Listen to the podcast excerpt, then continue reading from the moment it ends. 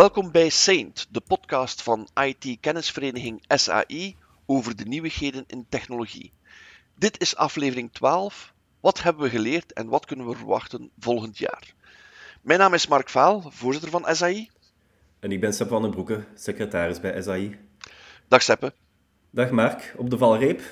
Inderdaad, op de Een valreep. kerstgeschenk na kerstmis. Ja, tussen kerst en nieuwjaar is altijd een spannende periode. Ehm, en ook een periode waar dat veel mensen eens terugkijken naar het afgelopen jaar. En toch ook eens vooruitkijken van wat kunnen we nog verwachten. Ik denk dat dat wel een interessante insteek is ook voor onze podcast om eens te doen. Eh, 2021, eh, wat hebben we geleerd? En dan ook een beetje vooruitkijken naar volgend jaar. Ehm, ja, wat zijn zo de belangrijkste gebeurtenissen van eh 2021 die nog bijblijven? We hebben zijn dus door het lijstje gegaan. Ja. En inderdaad, in navolging van elke grote podcast die zo een, eindejaarsoverzicht maken. Nu, we gaan het niet gewoon als een overzicht houden, we gaan ook een beetje vooruitblikken. Dat is altijd interessanter. Ook wat in navolging van onze sessie met eh Ron Toledo. Die eh, trouwens op onze websites te herbekijken valt voor de luisteraars die het eh, nog niet zouden gedaan hebben. Maar we hebben er een aantal geselecteerd. Misschien ook een aantal, of een, eh, een eerste die, die ik toch heb gekozen. Eh, maar niet uit, eh, uit eh, volle goesting, om het zo te zeggen. En eentje die Ron ook heeft vermeden. Maar ik heb toch Metaverse gekozen, Mark. Ja. Ja, Ja. dat is, eh, een beetje, was een beetje de, de Big Bang eh, nadat jaren geleden Facebook al bezig was met, met eh, de metaverse. Nee, met metaverse, maar wel met Oculus, hè, met de overname van Oculus. Plotseling toch op de proppen gekomen met de, de virtuele wereld. doet veel denken aan Second Life. Hè? En andere virtual worlds en andere online virtuele werelden. En je zegt Oculus.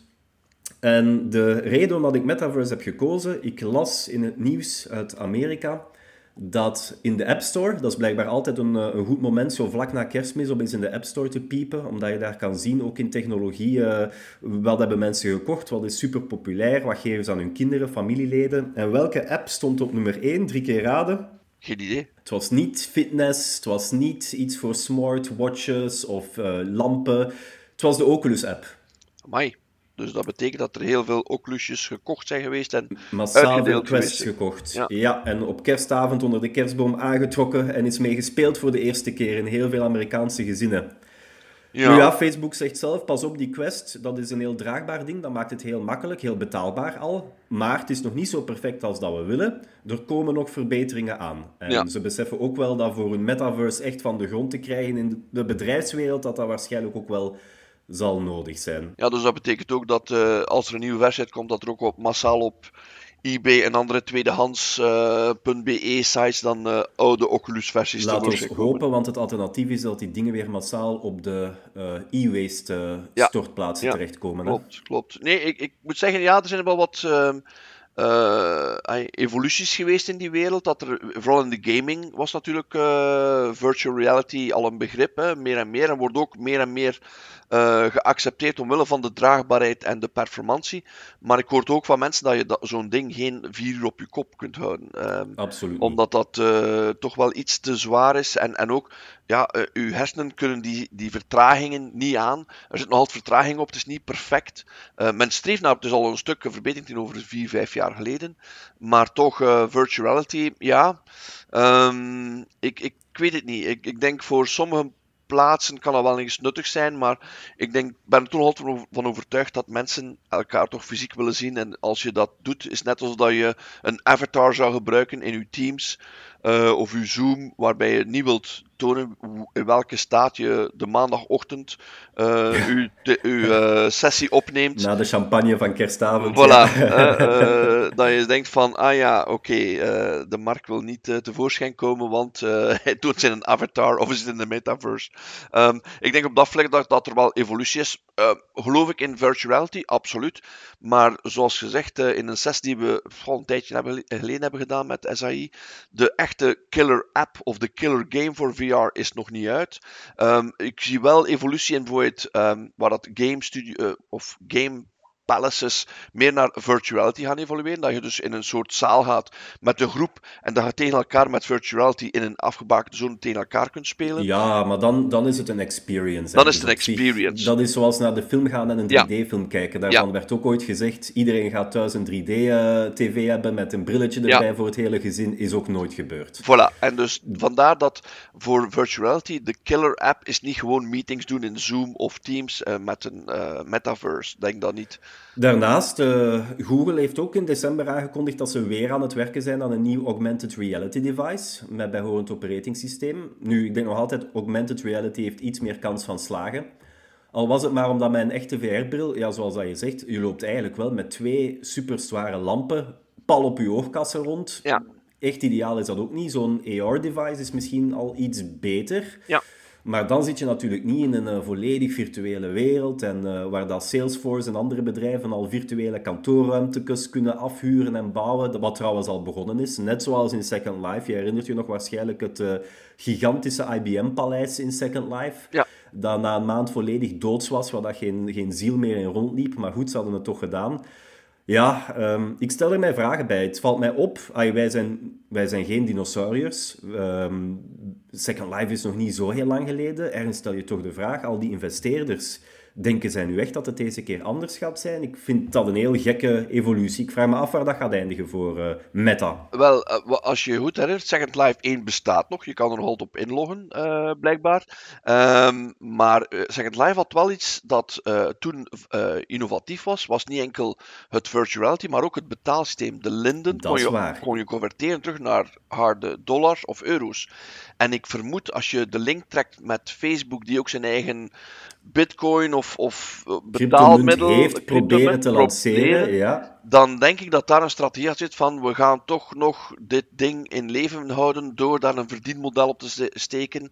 Niet enkel puur in advertising, want dat is hun core business, maar ook misschien op andere manieren. Ja. En ja, geeft dat nog een, uh, een gewenning. En misschien dat dit jaar misschien wel de doorbraak is van Oculus, zoals je zegt. Hè. Mensen hebben dat ding thuis liggen. Niet voor permanent op hun kop te zetten, maar af en toe uh, in plaats van naar een schermpje te kijken, dat je dat op je zet en een soort immersive krijgt. Uh, doet me denken aan Ready Player One, de film ja, van ja, Steven ja, Spielberg en het, het boek Ready Player One. Um, maar ja, het is het begin. Ik denk dat we aan het begin staan van een evolutie. Dat klopt wel, hè. er zit wel iets achter. Uh, winkels verdwijnen uit het straatbeeld. Uh, wat is het probleem als je online shopt? Dat je de kleren niet eens kan vastpakken of aantrekken of bekijken of het toestel als uh, shopping bijvoorbeeld, al maar iets te zeggen, helemaal in die metaverse plaatsen en je, rond, en je loopt rond in een virtuele FNAC, ik, ik zeg maar wat, uh, en je kan de boeken eens vastnemen en, en eens naar kijken. Het is allemaal wel virtueel, maar het is toch iets immersiever. Ja. En dan onmiddellijk met je Facebook, of sorry, Meta Libra portefeuille de betaling kan uitvoeren. Ja, wie weet. Ja. Maar toch nog een weg te gaan tegen dat uh, mijn moeder bijvoorbeeld uh, zo'n ding op haar hoofd zet en zegt ik ga eens naar de uh, H&M gaan in, in Metaverse. Dus, maar ja, je weet nooit. Je weet nooit. En um, ik weet, um, is toevallig ook waar ik werkzaam ben, het, de kleuren zijn heel belangrijk. Dat de kleuren op een computer overeenkomen met de kleuren in de realiteit. Dat rood-rood is en groen-groen en paars-paars. dus dat speelt mee. Maar ook ja, toch het gevoel van de stof. Dus ik denk dat ernaast de bril ook nog wel handschoenen of een soort touch moet zijn. Uh, er zijn een aantal zaken die nog ontbreken, ja. ja. Dus dat denk ik ook. En laat staan, de rekenkracht ze is er wel, maar je ziet ook in alle screenshots van de metaverse, het is een cartooneske stijl. Hè. Het is totaal niet realistisch, nee. dat is ook veel moeilijker. Daar zijn we ook nog niet. Dus de visie zal er misschien wel zijn bij Zuckerberg, maar of dat de executie zo snel zal volgen... Wel, en ook zeker uh, als je dan vergelijkt wordt, uh, ABBA dit jaar uh, heeft een uh, nieuwe laatste ja. plaat uitgebracht. En wat gaat ABBA doen? Een tournee? Nee, ze gaan werken met avatars. En dus de combinatie van die avatars met live muziek en uh, uh, ingezongen uh, muziek zelf van de dames en de heren, maar met de live muziek. Het verhaal van, als je daaraan denkt van oké, okay, mensen kunnen gaan kijken naar zo'n avatar die heel realistisch is gemaakt op basis van de huidige stand van zaken. Als je dat doortrekt naar een metaverse waar je dan ook concerten, concerten ja. daar kan doen, maar ook met realistische uh, ja, uh, figuren. Wat dat betreft hoeft het niet eens zo realistisch te zijn. We hebben dat soort concerten ook al gezien in Fortnite bijvoorbeeld. Ja. Ja. En waarbij grote artiesten in een avatar gewoon achter een DJ-tafel gingen staan. En dat was ook heel succesvol. Dus uh, ja, voor zo'n. Maar Ja, de, de vraag blijft dan ook een beetje je ziet nu dat ze heel sterk inzetten, of pretenderen althans, naar het bedrijfsleven toe. Meetings, uh, meetingruimtes, conferenties, virtueel samenkomen, vergaderen. Zal dat het, het, einde zijn ook, of zal dat eigenlijk uiteindelijk zijn waar dat ze naartoe willen gaan? Dat is dan misschien iets minder zeker. Want dat is dan juist hetgene waar misschien ja, niet de grootste noodzaak is om zoiets te doen. Wel, het heeft ook te maken met het feit, met gemak, hè, dat je zegt van, ik wil het concert nu zien, en dat je dat concert nu kan zien, een beetje de vervanging van de DVD, waar je een concert kan herbekijken op DVD of op uh, ja, uh, andere methodes. En dan is de vraag, wat is het gemakkelijkste? Netflix opzetten is ook gemakkelijk Juist, natuurlijk. voilà. En dan het immersive maken in plaats van, uh, men heeft lange tijd liggen kijken naar hoe kan men tv-ervaringen immersive maken, dan kan de metaverse. Maar ik denk dat dan moet je ook opnames doen in een metaverse situatie. Ja, ja. En die toestellen bestaan momenteel nog niet. Dus ook de opnamestudio's en het opnamemateriaal zal nog... Zolang dat je eerst een bril gaat moeten opladen, inzetten, een pak aantrekken, weet ik veel, blijft altijd nog altijd een stap verder dan ik plof mij in de zetel en ik pak de remote vast en ik zet Netflix op. Dat, dat is zo. Of ook voor vergaderen, maar kom, we zetten Teams open en we zijn aan het praten. Ja, en dus, en, en dus die, dat gebruiksgemak en ook het, uh, het, het, draagbaar maken. Dus het draaglijk maken voor de ogen en voor uw hersenen, want uw hersenen moeten kunnen volgen. Ik denk dat nog wel veel werk is, maar het is een begin van iets dat je zegt van ja, ik kan me inbeelden als je op, op uh, iets wil bedienen op afstand of uh, je wilt iets bekijken op afstand, dat zo'n zaken wel mogelijk zijn. dus het, het kan wel, maar niet voor. Ik kan me niet inbeelden dat je daar acht uur is, maar op per dag mee bezig bent. Uh, ik denk dat dat uh, een te grote belasting is. En laat ons ook niet vergeten, Facebook, het is wel een ongelooflijk groot team. Softwarematig en engineeringmatig zijn ze heel sterk, mm -hmm. maar in termen van hardware maken hebben ze eigenlijk niet zoveel in-house ervaring. Oculus hebben ze ook opgekocht. Ze hebben Cormac aan boord getrokken om dat te leiden. Mhm. Als ze daar echt verder in willen gaan, ik zou bijna eerder mijn geld zetten dan als andere bedrijven gaan zien dat dat echt serieus wordt. Apple bijvoorbeeld heeft veel meer skills in-house om zoiets te doen dan Meta. Dus dat is ook een beetje een vraag die ik mij daar stel. Ik zou niet al mijn eieren dan in één mand leggen moest ik een investeerder zijn, maar goed. Nee, en, en het water is zo diep tussen die twee bedrijven dat dat nooit goed komt. Want, ja, die uh, samenwerking gaat er nooit... Uh, nee. De, nee. Want uh, die hebben toch totaal andere strategische objectieven, zoals je zegt. En, en ja, inderdaad, ik verwacht van Apple ook wel zoiets te creëren op termijn.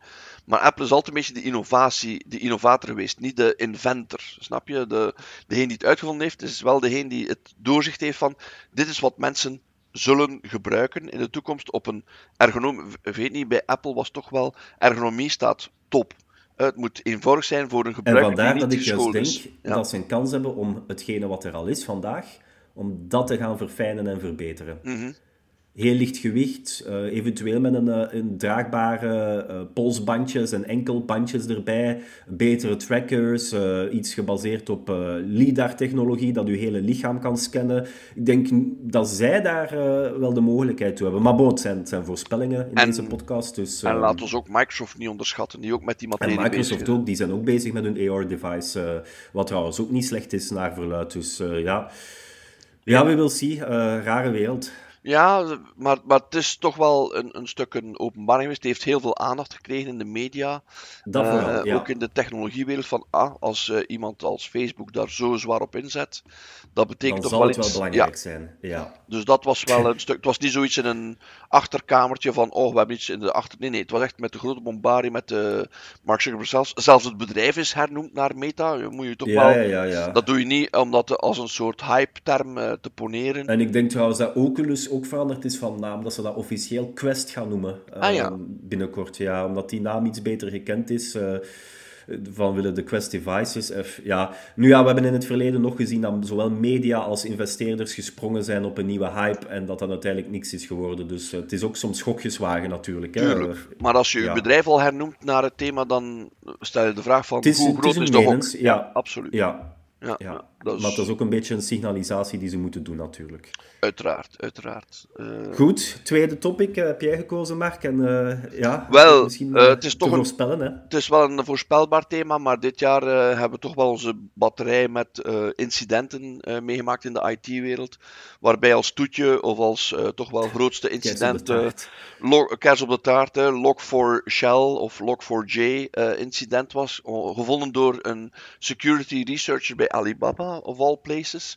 Um, heeft dat uitgebracht, onmiddellijk bevestigd geweest door een heel pak bedrijven en, en research van, oh, dit is ernstig. Uh, en ik moet wel zeggen, uh, de manier waarop er mee omgegaan is, is toch wel een verschil. Ik heb in mijn carrière vier van die, is mijn vierde fire drill, zoals we mooi zeggen, hè, met Y2K, wat toen ook een soort mens-gegenereerd incident was in 2000, 99, 2000. Dan had je 2007 Winlock, waarbij Windows zijn DRM-oplossing een beetje te strak gezet, waardoor geen enkele Windows-applicatie nog uh, deftig werkte. 2014 OpenShell Heartbleed, uh, OpenSSL Heartbleed. Um, en nu 2021 uh, Log4j, wat toch een enorme grote impact heeft naar alle applicaties die Java gebruiken, want het is eigenlijk iets heel idioot. Hè? Het is maar een, mm -hmm. een, library die gebruikt wordt om foutmeldingen te verzamelen, maar waar u wel iets mee kan activeren. En dat, dat heeft dan onmiddellijk de trigger gegeven aan veel mensen van, oh, dit moet vervangen. Het, het, het bizarre is ook dat enkel in de versie 2 van het verhaal zit, niet in versie 1. Dus uh, er circuleren al cartoons van als je IT-departement die component nooit had geüpdate en nog in versie 1 was, was je eigenlijk je veilig. veilig. Wat een beetje een idiotie is, want er zat wel andere problemen met versie 1. Maar ja, um, ja. het duidt aan dat um, ja, als je zo'n grote uh, ja, uh, drama hebt, dat toch wel een soort trigger is of een fire drill in de wereld van IT, waar iedereen toch heeft moeten scramblen van één, waar vind ik dit? Twee, hoeveel tijd hebben we eer dat de eerste aanvallen gebeuren? En drie, um, ja, uh, mensen, hoe komt het in godsnaam dat dat weer eens kunnen gebeuren? We, dachten na Heartbleed dat het nooit meer zou gebeuren, dat er een, een, een klein componentje zo'n ravage kon aanrichten. En natuurlijk zijn er ook heel veel complotdenkers die denken van, ja, maar ja, wacht, hoe lang wisten bepaalde groepen hiervan om daar misbruik van te maken? Ja, de functionaliteit was blijkbaar, wat is het, toegevoegd in 2000 13 of zo? Ja, uh, ja, ja, ongeveer tegelijkertijd ja. met uh, ja, de, de OpenSSL-toestanden. En uh, terecht was overgenomen van, naar versie 2, maar zat een blunderen. En ja, een menselijke fout. Blunder, eigenlijk, ja. maar ja. Je kunt het ontwikkelaars ook moeilijk kwalijk nemen. Ik vind het ook, ik, we hadden het er nog over, heel gek dat het dan een security team is in een uiteraard groot Chinees bedrijf. Maar dat westerse bedrijven of Europese bedrijven daar zoveel jaren gewoon hebben overgekeken. Ja. Dat is ook een beetje conspiracy theory denken van misschien zat er daar ook wel ergens...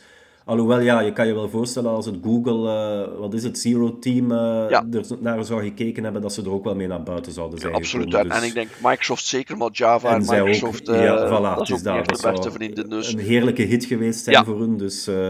Ja, ja, we zijn, denk onze eerste podcast van 2021 was uh, getiteld uh, Cyberaanvallen zullen enkel maar toenemen en kijken waar dat we nu staan in 12 ja, maanden tijd. Ik moet, ik moet wel toegeven, Seppe, de, de, de samenwerking uh, wereldwijd tussen alle security mensen of security experten is wel ex, uh, extreem goed geweest. Als ik kijk hoeveel mensen contributie hebben gedaan of opmerkingen rond GitHub en echt naar oplossingen of naar tooltjes, ook bedrijven, CrowdStrike met, met voorsprong mm -hmm. op al de rest die zelfs een tool heeft gemaakt waarbij het zeer eenvoudig was om te weten in uw organisatie waar zit Log4j ergens ingenesteld op devices of op uh, servers. waren ook geïmpacteerd, denk ik. Hè? Dus, ja, ja, ja, ja, absoluut. Ze en dus, zijn met een heel open vizier naar buiten ja, gekomen ja, eigenlijk. En, ja. en die openheid, maar ook de samenwerking wereldwijd, waarbij mensen elkaar ondersteunen, moet ik wel zeggen, is een groot verschil geweest. En ook voor, staat mij positief in de zin dat um, de, de, de reactiesnelheid belangrijk is, omdat men wist van dit gaat binnen de kortste keren uitgebuit worden door allerlei hackersgroepen en collectieven. En dat is ook effectief gebeurd. Als je zag na drie, vier dagen na de, uh, ja, het bekendmaken, begonnen de eerste ja, aanvalletjes, maar na zes, zeven dagen, bijna een, week later, werden echt massaal gecoördineerde, botnet-gestuurde ja, aanvallen gedaan. Al, al 840.000 aanvallen. Ja, ja en, en ik moet ook zeggen, zelf ook in het bedrijf waar ik werkzaam ben, je zag onmiddellijk op uh, alle firewalls, op alle zaken, zag je de uh, knipperlichten uh, rood ja. groeien van, oh, men probeert. Gelukkig waren er een aantal zeer eenvoudige trucjes om het te, te stoppen.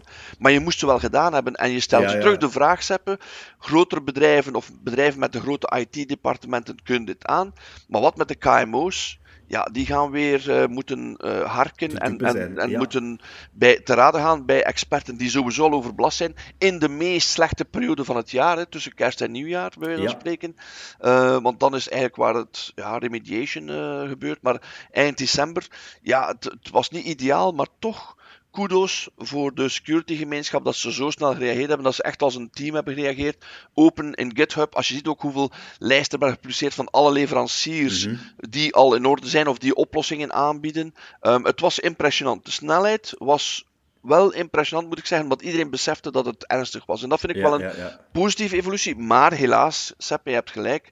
We zijn begonnen met een aantal incidenten. En door hetgeen het jaar zijn er een aantal incidenten geweest. En, en ja, fratsen op En vandaar, eh, het, eh, wat is het, WEF zei, we kunnen best ook eens gaan simuleren in plaats van een, eh, een, een pandemic voor de mens, een cyberpandemic voor eh, de nabije toekomst, want we verwachten dat dat ook enorme brokken kan maken. Wat denk je voor 2022? Ehm, gaan we nog verder dan Log4j of eh, gaat er weer wat rust komen? Ik, ik denk wel, als, we, als ik in mijn geschiedenis terugkijk, en het is om de zeven jaar zo'n mega-incident, dan eh, ja, wordt er een beetje al grappend geredeneerd van is de volgende in 2028, dus zal zijn werk wel geven. Maar inderdaad, nee, het punt is dat ehm, je merkt dat de snelheid waarmee mensen research doen en soms zaken vinden die componentjes waar niemand naar kijkt, iedereen verwacht dat in orde is, worden soms wel een beetje ter goede trouw behandeld. We dachten na in 2014 dat dit nooit meer zou gebeuren en we zijn zeven jaar verder steppen en het is weer van dat. En dus ik denk dat mensen kritischer gaan worden. Ik verwacht een tegenreactie waarbij men gaat vragen van ja, maar de componenten die u gebruikt in uw oplossing, zijn die ook gecontroleerd? Zijn die up-to-date? Zijn die allemaal geïdentificeerd? En ik kan u garanderen, Seppe, voor heel veel softwareleveranciers gaat wel in de haren krabben zijn om die inventaris te maken van Ja, al die ja. aangekochte of eh, gebruikte componenten van buitenaf die men integreert in oplossingen om heel snel te kunnen reageren op dergelijk incident. Want dankzij de samenwerking van bedrijven heeft men toeltjes kunnen bouwen om dat specifieke componentje te vinden, maar eigenlijk zou je dat moeten doen voor elk componentje. Tuurlijk, Eh, ja. Maar dat zijn natuurlijk lijsten, je kan je inbeelden als je over over grote toepassingen als Office praat, dat zijn lijsten die gigantisch groot zijn.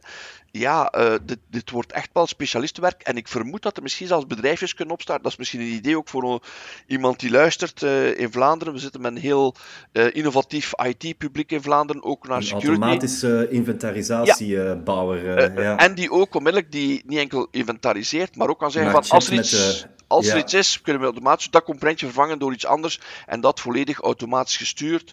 Ehm, daar zit misschien wel iets in om dat specifiek te maken. Het is maar een hint, maar ik geloof wel in het stukje het preventief gaan inventariseren en dan gaan reageren. En niet de grote component van ja, ja, we hebben eh, toepassing X, Y, Z. Die toepassing wordt gemaakt uit heel veel componentjes en dat wordt wel een uitdaging, denk ik, voor de komende maanden en jaren. Zeven jaar, hè, ja, laat het ons hopen. Maar ja, het is natuurlijk ook een zaak geworden, een, een natiezaak meer of meer. De Chinese overheid heeft eh, Alibaba al op de vingers getikt dat ze Log4j in het wild hebben geplaatst, hun eh, bevindingen eerder dan eerst te passeren. Ja, langs eh, de rode telefoon. Ja, Ehm, maar dat, ja. is, dat, dat is een debat en ik moet zeggen, ik heb dat debat eh, ja, toch een tiental jaar geleden meegemaakt eh, in Den Haag. Toen was er een soort wereldwijd security forum.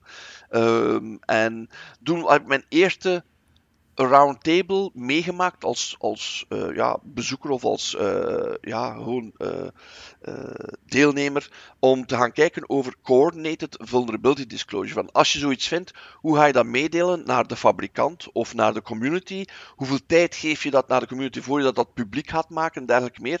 En de slotsom van het debat was dat het eigenlijk een zeer moeilijk thema is, want je hebt, er is nooit een, een juist of fout, want je wil onmiddellijk bekendmaken dat je het gevonden hebt, maar je wilt ook de leverancier of leveranciers de mogelijkheid geven om het te herstellen en dat te gaan verbeteren. Maar als ze niet reageren, moet je het wel gaan publiek maken. En dat is een zeer fijne lijn, een balanslijn, dat ook wel een thema Ja. is dat misschien volgend jaar eens een paar keer naar voren moet komen. Is van, En je gaat ervan uit dat iedereen wel uiteindelijk met een eh, witte of toch eh, lichtgrijze hoed op zit dan. Hè? Ja. Eerder dan eh, Ja. Ja, NSA of weet ik veel, die zegt, ah nee, als je iets vindt, eh, stop het maar in de schatkist en we gaan het ooit wel kunnen gebruiken. Dus eh, ja. Dat was ook een van de eh, evidenties dit jaar, hè. NSO, het Israëlisch bedrijf, die Ja, ja, ja. dergelijke zero days vermarkt hè, tegen eh, miljoenen. En waarvan dat Google zelf zegt, de kwaliteit van, de, van hoe dat zij hun hacking uitvoeren, is op het niveau van elite nation-state spies. Dus dat wil toch wel al wat zeggen, hè? Ja, en dus... Eh, eh, ja, daar stond ik ook van te kijken. En dus dan kijken we terug naar eh, eh, Israël. Dat is toch wel een teken Yep. dat Israël zeer sterk is in dergelijke zaken. En al langer dan vandaag, hè? Dus, En langer eh, dan vandaag. Maar nu zijn ze ook in de openbaarheid gekomen met alle gevolgen van die. Dat ze waarschijnlijk Ja. zich gaan moeten vervellen tot iets anders. Maar het feit dat het bestaat, dat er organisaties zijn niet noodzakelijk vanuit de overheid, maar die wel privé zoiets verkopen, ehm, dat baart wel zorgen. Hè, van hoe mhm. ethisch is dit? Ja, ethisch is het absoluut niet. Is dit, uh, zijn het mensen die dan de deontologie van security volgen? Absoluut niet, want ze vermarkten het tegen uh, ontzaglijk veel geld. Uh, maar het is een ja, voortschrijdend inzicht. Ik denk dat de security community hier niet uh, heeft laten begaan. En dat, dat is wel een, een mijn voornaamste verrassing positieve zin is de snelheid waarmee dat heel de security community wereldwijd, dat spreek echt van alle landen, uh, alle geledingen, uh, zijn samengekomen om dit probleem Log4j op te lossen. Dus dat was wel positief, denk ik. Meer van dat. Oké, ja, inderdaad. Derde topic, uh, dat toch wel vaak naar voren is gekomen, misschien ook tot spijt van, van wie het benijdt. NFT's, blockchain en de link naar de supply chain, de zogenaamde chip shortages, eh, de grafische kaarten die ongelooflijk duur blijven staan, moeilijk te vinden zijn. Uh, grote spelbedrijven zoals Ubisoft en andere die al willen experimenteren met NFT's en het integreren in hun uh, winkeltjes voor zaken te kopen. Ja, het is, het is een enorme hype. Het is echt uitgebroken in 2021. De, de cryptowereld staat weer hotter dan ooit tevoren. Ja, absoluut. Maar natuurlijk ook met allerlei nefaste bijeffecten. Hè. Ehm, zowel mensen die geen eh, hardware meer kunnen vinden voor uh, ja, hun normale toepassingen, zeg maar, als ook een beetje het uh, ecologische aspect eraan. Als al het legale er rond. We, hebben ook, we leven in een wereld van inflatie. Ehm, in sommige landen meer dan andere. Dus ja, veel rond te doen geweest. Ook zo weer iets zoals Metaverse, vind ik, waarbij dan misschien de echte concrete use cases, laat ons eerlijk zijn, er nog niet zijn. Ik denk dat ja, fanaten van de NFT's die gaan mij nu ongelooflijk hard tegenspreken. En uh, oké, maar toch, uh, de kost die erin kruipt versus uh, hetgene dat je eruit terugkrijgt, is denk ik momenteel nog een beetje ongebalanceerd. Um, dus, uh, maar vermoedelijk is het een trend die zich ook wel volgend jaar gaat, gaat verder zetten, denk ik. Maar het, is een, het is een nieuw segment. Men heeft eigenlijk een nieuwe markt gecreëerd. Hè. De digitale kunstwereld is volledig ontploft in essentie. Door, vroeger was er al digitale kunst, heeft al heel lang bestaan. Sinds rond de computer bestaan bestaat de digitale kunst. Maar het vermarkten digitaal was, was niet mogelijk tot en NFT's bewijs van ownership, of ja. ownership wat dat, ook waard mogen zijn in de digitale wereld. Maar vandaar ook dus dat spelbedrijven zoals eh, Fortnite en Roblox en Ubisoft, eh, die hebben allemaal al aangekondigd, ah ja, dat is wel leuk, want als je dan een unieke skin koopt, dan blijft die van ja, en kun je echt bewijzen dat jij die hebt gekocht en dat jij de enige drager bent daarvan. Ja, mij spreekt mij dat iets minder aan. Maar natuurlijk, als je helemaal geïnvesteerd bent in een spel zoals Fortnite of weet ik veel, dan, uh, ja, dan ga je daar wel geld voor op tafel leggen waarschijnlijk. Om, om maar, te maar, maar, het, maar het manco is wel dat iedereen kopies kan hebben, maar jij kan de, zeggen van ik ben de enige die de originele heeft. Voilà, ja. En dat is een beetje ja, en zelfs de kopies in zo'n, in zo'n spelomgeving kun je dat wel afblokken natuurlijk, omdat je daar dan toch nog altijd met een soort van... En dat is het punt, je zit met een centrale server die eigenlijk kan garanderen dat er maar één kopie is verkocht. Mhm. Maar dan wordt de vraag een beetje, ja, waarom dan nog die hele NFT en blockchain backend om dan nog eens te gaan herbevestigen? Je ziet al met een centrale partij die de servers heeft, die alles kan controleren in het spel.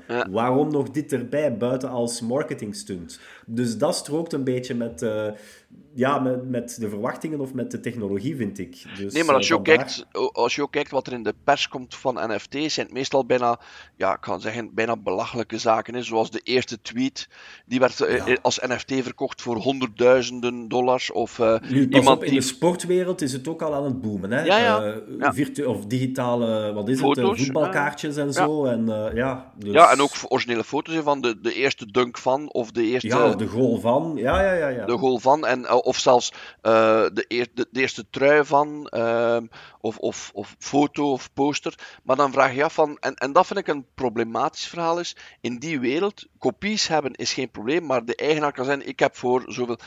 En dat klinkt mij raar in de ogen. de man die daar uh, elke dag een foto trok en, en dat in een soort kunstwerk verdeelde en daar yeah.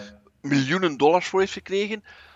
Het kunstwerk zelf kan je kopiëren, kan je lokaal downloaden. Maar er is één iemand die dan betaald heeft voor het, om te zeggen van ik heb het origineel. Het zal natuurlijk niet perfect zijn, maar je kan, al de foto's zijn verschenen in alle kranten, alle media, noem het maar op. Dus het kunstwerk is overal zichtbaar. Kan je ook downloaden op een of andere manier. Maar er is één iemand die zegt van ik heb het origineel. En dat vind ik een beetje een rare.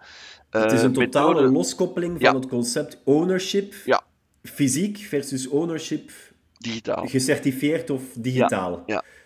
Dat is bijna zeggen zoals, uh, ik heb een huis, er wonen wel twintig krakers in, maar ik kan bewijzen met mijn akte dat ik de eigenaar ben. Dus Ja. het stoort me niet. Het is heel vreemd, hè? Het is, iets- het is iets dat. Het, het is nieuw.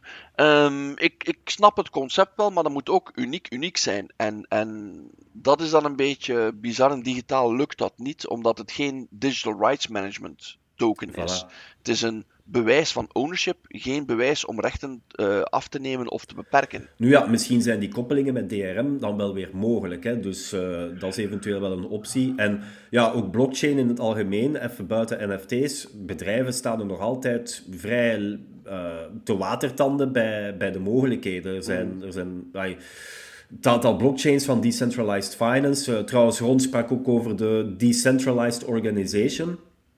Wat ik op papier wel een heel leuk idee vind, bijvoorbeeld. Maar waar ik mij ook in praktijk afvraag.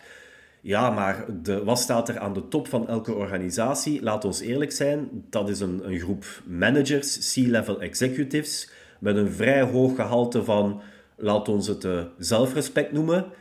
Die gaan nooit toestaan dat zij naar een volledige decentralized organization gaan, want dan houdt hun bestaansreden op.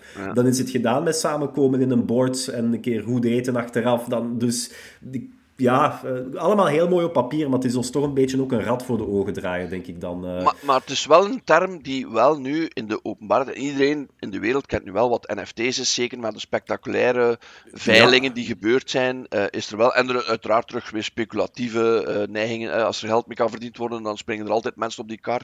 Er zullen waarschijnlijk ook wel verwacht worden dat je de eerste valse NFT's zult zien. Die verkocht worden waar mensen denken dat ze een NFT hebben gekocht en het is geen NFT. Eh, die minder technisch begaafd zijn, bedoel ik dan. Hè? Dus die, die ja, beseffen. ja, of zelfs hacks op de onderliggende code. Als die Ja. slecht geïmplementeerd is van die smart contracts, eh, zijn er ook zaken mogelijk. Als, dat Dus, in eh, als de quantum computing doorbreekt en ze breken al die codes, ja, dan is heel uw NFT-verhaal vol duiken. Hè. Dus, Ik, ik vraag me ook wel aan een andere zaak. Men praat heel veel over de decentralized organization, maar eh, heel vaak denkt men dan aan bedrijven, maar de decentralized government, dat is toch iets minder naar voren gekomen, vind ik ook. En dat is toch ook iets waarvan dat ik dan denk van, ligt daar misschien geen weg open om meer inspraak te geven in het publiek voor beleid en zo, maar ja... eh, ik is, denk dat dat eh, nog in zijn kinderschoenen staat. En ondanks het feit dat blockchain al een tijdje bestaat, is er nog niemand die het aangedurfd heeft. Er zijn nu een aantal landen die zowat ja, meer op populistische overwegingen bepaalde zaken Ja, laten. Maar om te voilà. zeggen, echt, ehm, ik denk dat overheden enorm veel schrik hebben van eh, blockchain en toestanden. Omwille van het feit dat ja, het, het geeft de centrale En de overheid. centrale banken En centrale ja. banken, het geeft u controle uit handen aan iets onbekend. Hè. Je weet niet Het is ook daarom zit. dat de centrale banken volop bezig zijn met hun eigen cryptomunten in elkaar te boksen. Ja. Eh, en ook daar een beetje de vraag van, eh, gaan dat dan ook deflationaire zijn? Nee, waarschijnlijk niet. Dat zal weer inflationair zijn. Eh, wat met de interestvoet kan die in het negatieve gaan. Dus ja, daar kun je als eh, economist toch ook wel al een aantal kanttekeningen bij maken van, hmm, welke weg gaat dit op gaan? En laat ons hopen dat blockchain eh, een aantal jaren later, dat het niet iets wordt dat eigenlijk eh, ja, een... eh, een negatief maatschappelijk effect heeft. Maar, eh, maar ja, Maar het is wel een technologie die nog altijd rotsvast is. In de zin van dat eh, er is niet zoiets van oei, blockchain is kapot of het werkt niet. Eh, dat is duidelijk niet. Het, is, het enige is dat er heel veel koud watervrees hebben van wat is dit? Ik herinner me nog de eerste sessie van blockchain was bij KBC banken. In Brussel, die ik heb meegemaakt in, in België. En dat was een schitterverhaal. Die hadden heel snel door van dit wordt toekomst. Dit is dat, dat eh, enorm impact hebben, gaat hebben naar de manier waarop wij eh, met, met onze klanten omgaan, maar ook intern kunnen aantonen hoe dat contracten, eh, verzekeringen, bewijs kan geleverd worden van transacties. Dus zij waren een van de eersten in België die openbaar hebben gemaakt dat ze daar heel actief in ingestapt zijn en daarmee verder gaan. En dus nu eh, is nog altijd actief bezig. Maar het is, ik denk, voor de gewone sterveling nog iets te technisch, iets te Mhm. moeilijk begrijpbaar. Eh, ook voor KMO's van oei, en, en hoe stap ik daarin? Er is Tuurlijk. ook daar denk ik, Seb, dat er terug wel nog wat innovatie kan in. De technologie bestaat, maar hoe ga je dat de verfijning. verfijnen en toegankelijker maken voor technologie-mensen. Ik denk als je en ook het ecologische eraan natuurlijk Tuurlijk, ook. Hè. absoluut. Hoe zorg je ervoor dat het niet eh, een massale rekenkracht nodig heeft Ja. en massaal veel elektriciteit? Laat ons eerlijk zijn, dat is ook niet oké. Maar ja, Dus- anderzijds, eh, digitalisering, eh, dat is een beetje een neveneffect van digitalisering. Als je de weg van digitalisering massaal ingaat, op alle vlakken, ja, dan heb je meer computers nodig. En meer computers wil zeggen meer stroom. Absoluut. Al die zelfrijdende elektrische wagens die we Voilà. gaan hebben, gaan ook allemaal vol computers zitten en, En- gaan ook elektriciteit wel, drinken. Dat zijn, Dus, eigenlijk, eh, dat zijn eigenlijk rijdende computers, Voilà, hè, waarbij dat dus, zelfs men eh, nadenkt over modellen dat je geen auto meer koopt, maar huurt. Hè, of dat je die ja, auto... eh, dat die langskomt en ja. pikt u op. Dus ja, dat is al lang de droom. Dus inderdaad, dat klopt. Hè. Digitalisering, als je die weg volledig wil inslaan, dan heb je gewoon veel ja, energie nodig en materiaal. Hè. Dus, En dan ga je merken dat toch wel bepaalde regio's of continenten daar iets gemakkelijker in zijn dan andere regio's die totaal niet gaan kunnen volgen, omdat ze die technologie en die, die elektriciteitsvoorzieningen gewoon niet hebben om dat zo massaal te doen. Mobiele telefoon is gelukt omdat dat iets klein is dat overal eh, in de wereld kan gebruikt worden. Maar als je begint te praten over rijdende auto's of over ja, blockchain overal toepassen, eh, mensen moeten toegang hebben tot het verhaal, maar moeten ook het snappen. En ik denk dat er veel mensen zeggen van, als je naar een raad van bestuur zou gaan van, en ik leg uit wat blockchain is, dat de meesten gaan zeggen, oei, ik heb het niet gesnapt. Ik weet niet wat Ja. dat betekent. En daar zit nog, denk ik, volgens mij een, een, een gap, een, een afstand tussen het, het weten, het woord blockchain kennen en het effectief kunnen vertalen in iets toepasbaar in uw eigen en iets organisatie. toepasbaar, ja. En iets echt nuttig, Ja. absoluut. En Ja. dat denk ik is ook nog wel een werk voor lange adem eh, voor de komende jaren. En terug, wie weet kan daar weer een, een Belgische start-up of scale-up eh, ontstaan die effectief die transitie doet, zonder technisch te zijn. Want ik denk dat veel mensen nog altijd schrik hebben van het ik snap het niet, dus ik doe het niet. En dat is een logische reactie eigenlijk. Wel, we hebben ook een beetje de boot van alles wat we eigenlijk zinvol hadden kunnen decentraliseren. Betaalmiddel, actes, opvolging, eh, kredietverlening. Dat we die zaken, ja, die bestaan wel, maar ze zijn niet doorgebroken. Nee, En dat is eigenlijk een beetje het spijt. Hetgeen wat nu doorbreekt, of half doorbreekt, is het idee van ja, met NFT's gaan we je ownership geven op een digitaal stuk papier van een digitaal ding. Oké, nice. Maar eigenlijk is dat toch niet de killer app van deze technologie. hè. nee. Dus dat is een beetje een spijtige zaak. En ook spijtig, zoals dat ik zei, is de link naar de supply chain. Eh, ja, de stok van Nvidia en AMD en Intel is eh, afgelopen jaar heeft heel goed geboerd. Maar als je zo'n kaart wilt kopen voor eh, 3D-editing of videobewerking of gaming of eh, AI, het, is, het zijn dure dingen geworden. Dus eh, ja, Ja, en inderdaad, het neveneffect dat je meldt is wel terecht, dat door die boom eh men eigenlijk contact met te weinig eh, fabrieken heeft om die chips tijdig te maken. Ja. En men spreekt nu terug om in Europa een aantal fabrieken te maken, maar ja, de doorlooptijd luck. is twee jaar. oh ja, ja nee. Eh, twee jaar. Ook in Amerika beseffen nu, want eigenlijk te afhankelijk was van het buitenland om die chips te maken. Maar je zit met twee jaar overbrugging.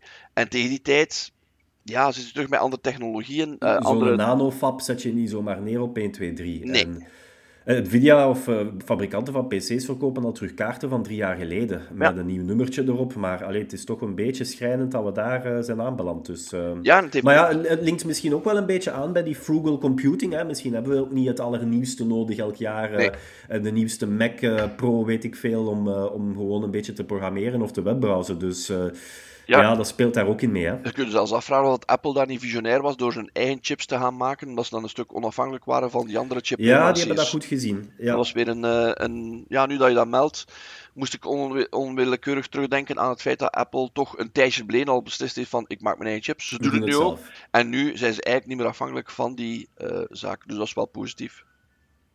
Alright, laatste trend, Mark. Ja. Wat heb je voor ons? Ja. Nee, Seppe, ehm, eh, één trend die ik toch wel voorzie voor volgend jaar, is toch wel de rol van IT. Ehm, ik Mhm. denk dat 2022 gaat een sleuteljaar zijn voor heel veel organisaties. In die zin dat we toch bijna twee jaar met COVID eh, te maken hebben gehad, waarbij heel veel mensen verplicht die het konden thuis werkten. Waar ook digitalisering een extra ja, booster heeft gehad, hè, waarbij heel veel bedrijven zeggen van het is nu of nooit. maar dat je toch wel merkt dat ehm, eh, de noodzaak van telewerk gaat waarschijnlijk wel verdwijnen als de pandemie een stuk stabiliseert, wat toch wel de verwachting is in 2022. Mhm. Ehm, maar dat heel veel werknemers die met technologie werken zich vragen gaan stellen van, tja, ehm, ik wil wel meer dat home office verhaal, dat heb ik nu twee jaar gedaan.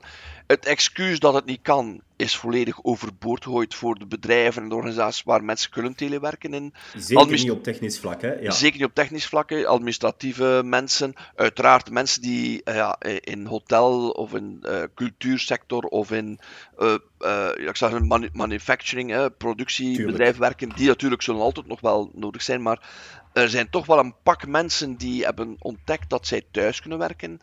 En dat in combinatie met die voortschrijdende digitalisering en vernieuwing, lijkt mij dat de trend gaat worden dat IT-departementen grondig gaan moeten nadenken over een nieuwe manier van werken. Dat het intramuros van dit is van ons bedrijf en al de rest ondersteunen we niet, is gedaan. Volgens mij zal de trend zijn dat IT-departementen nu ook gaan moeten ondersteuning geven aan mensen die thuiswerken, met de nodige apparatuur, met de nodige um, middelen, met de nodige ondersteuning qua internetconnectiviteit en dergelijke. Ja. Servicing.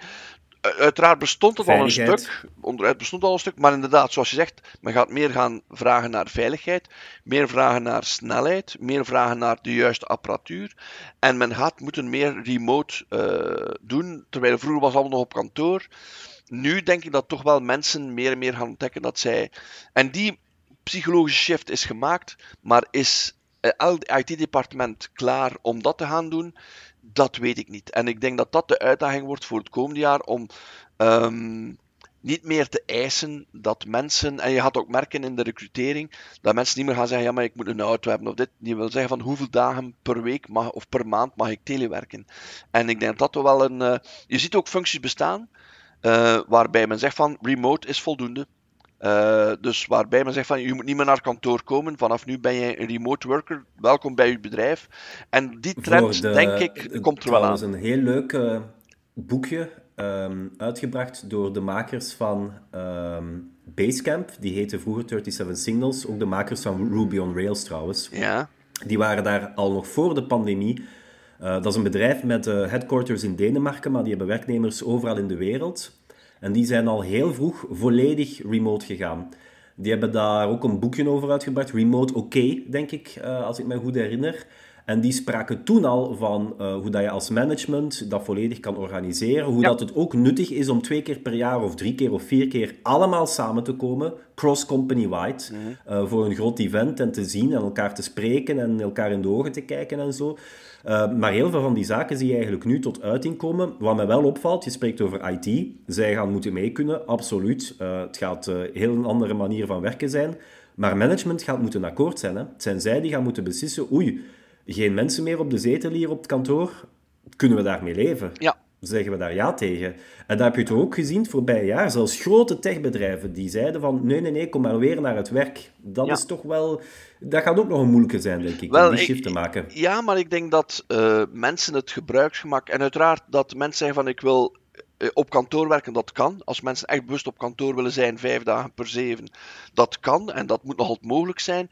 Maar mensen die zeggen van ik doe mijn werk efficiënter, veel beter van thuis uit, um, moet je ook de kans kunnen geven. En ik denk dat daar wel een beetje de, het wrijvingsvlak, dus ik denk dat er heel veel discussie gaan zijn, inderdaad binnen directies, binnen HR, want je zit nog met oude paparasserij van je moet zoveel uur per week uh, uh, kunnen uh, badgen of weet ik veel wat.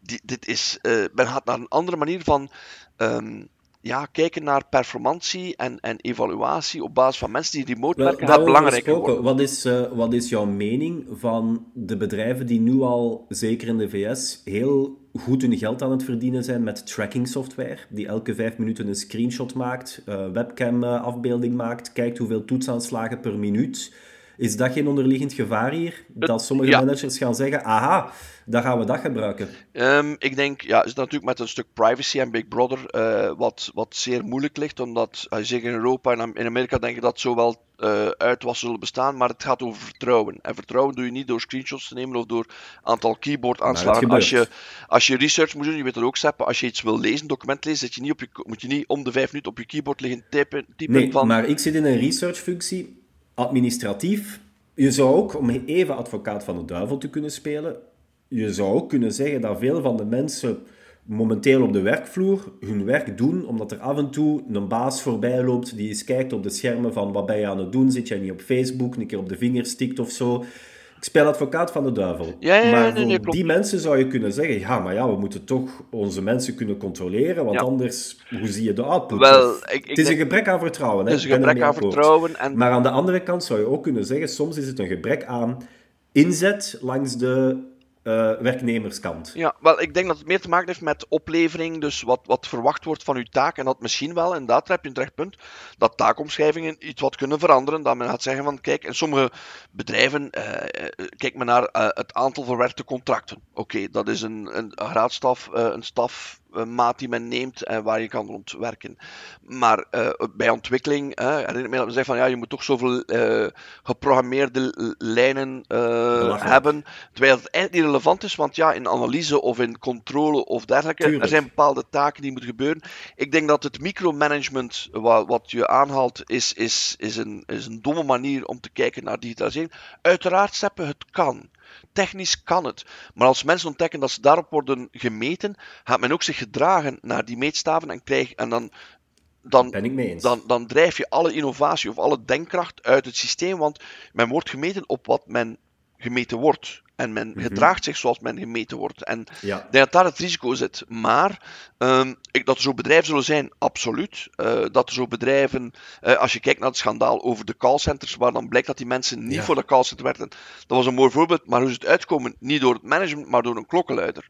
Die dan zegt Ja. van, dit klopt niet, dit is totaal niet eh, ethisch.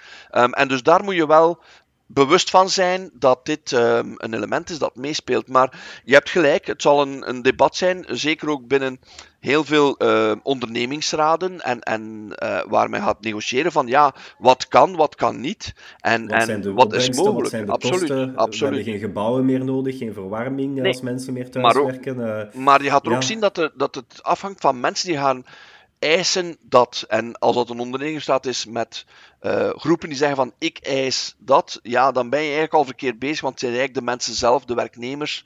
En als ik zie hoeveel mensen in de Verenigde Staten eh, veranderen, het heeft zelfs een aparte term gekregen waarbij men zegt van kijk, ik verander van job puur omwille van het gebruiksgemak of omwille van Mhm. het feit dat ik moet, eh, dat ik een andere manier wil werken of zelfs gewoon iets anders wil doen met mijn leven. Ik wil geen drie uur meer Nee. op de metro zitten om Nee. naar mijn werk te gaan en Voilà. daar op mijn stoel te gaan kruipen. Ja. Maar ook, die, ik wil ook geen acht uur of tien uur per dag achter mijn scherm zitten.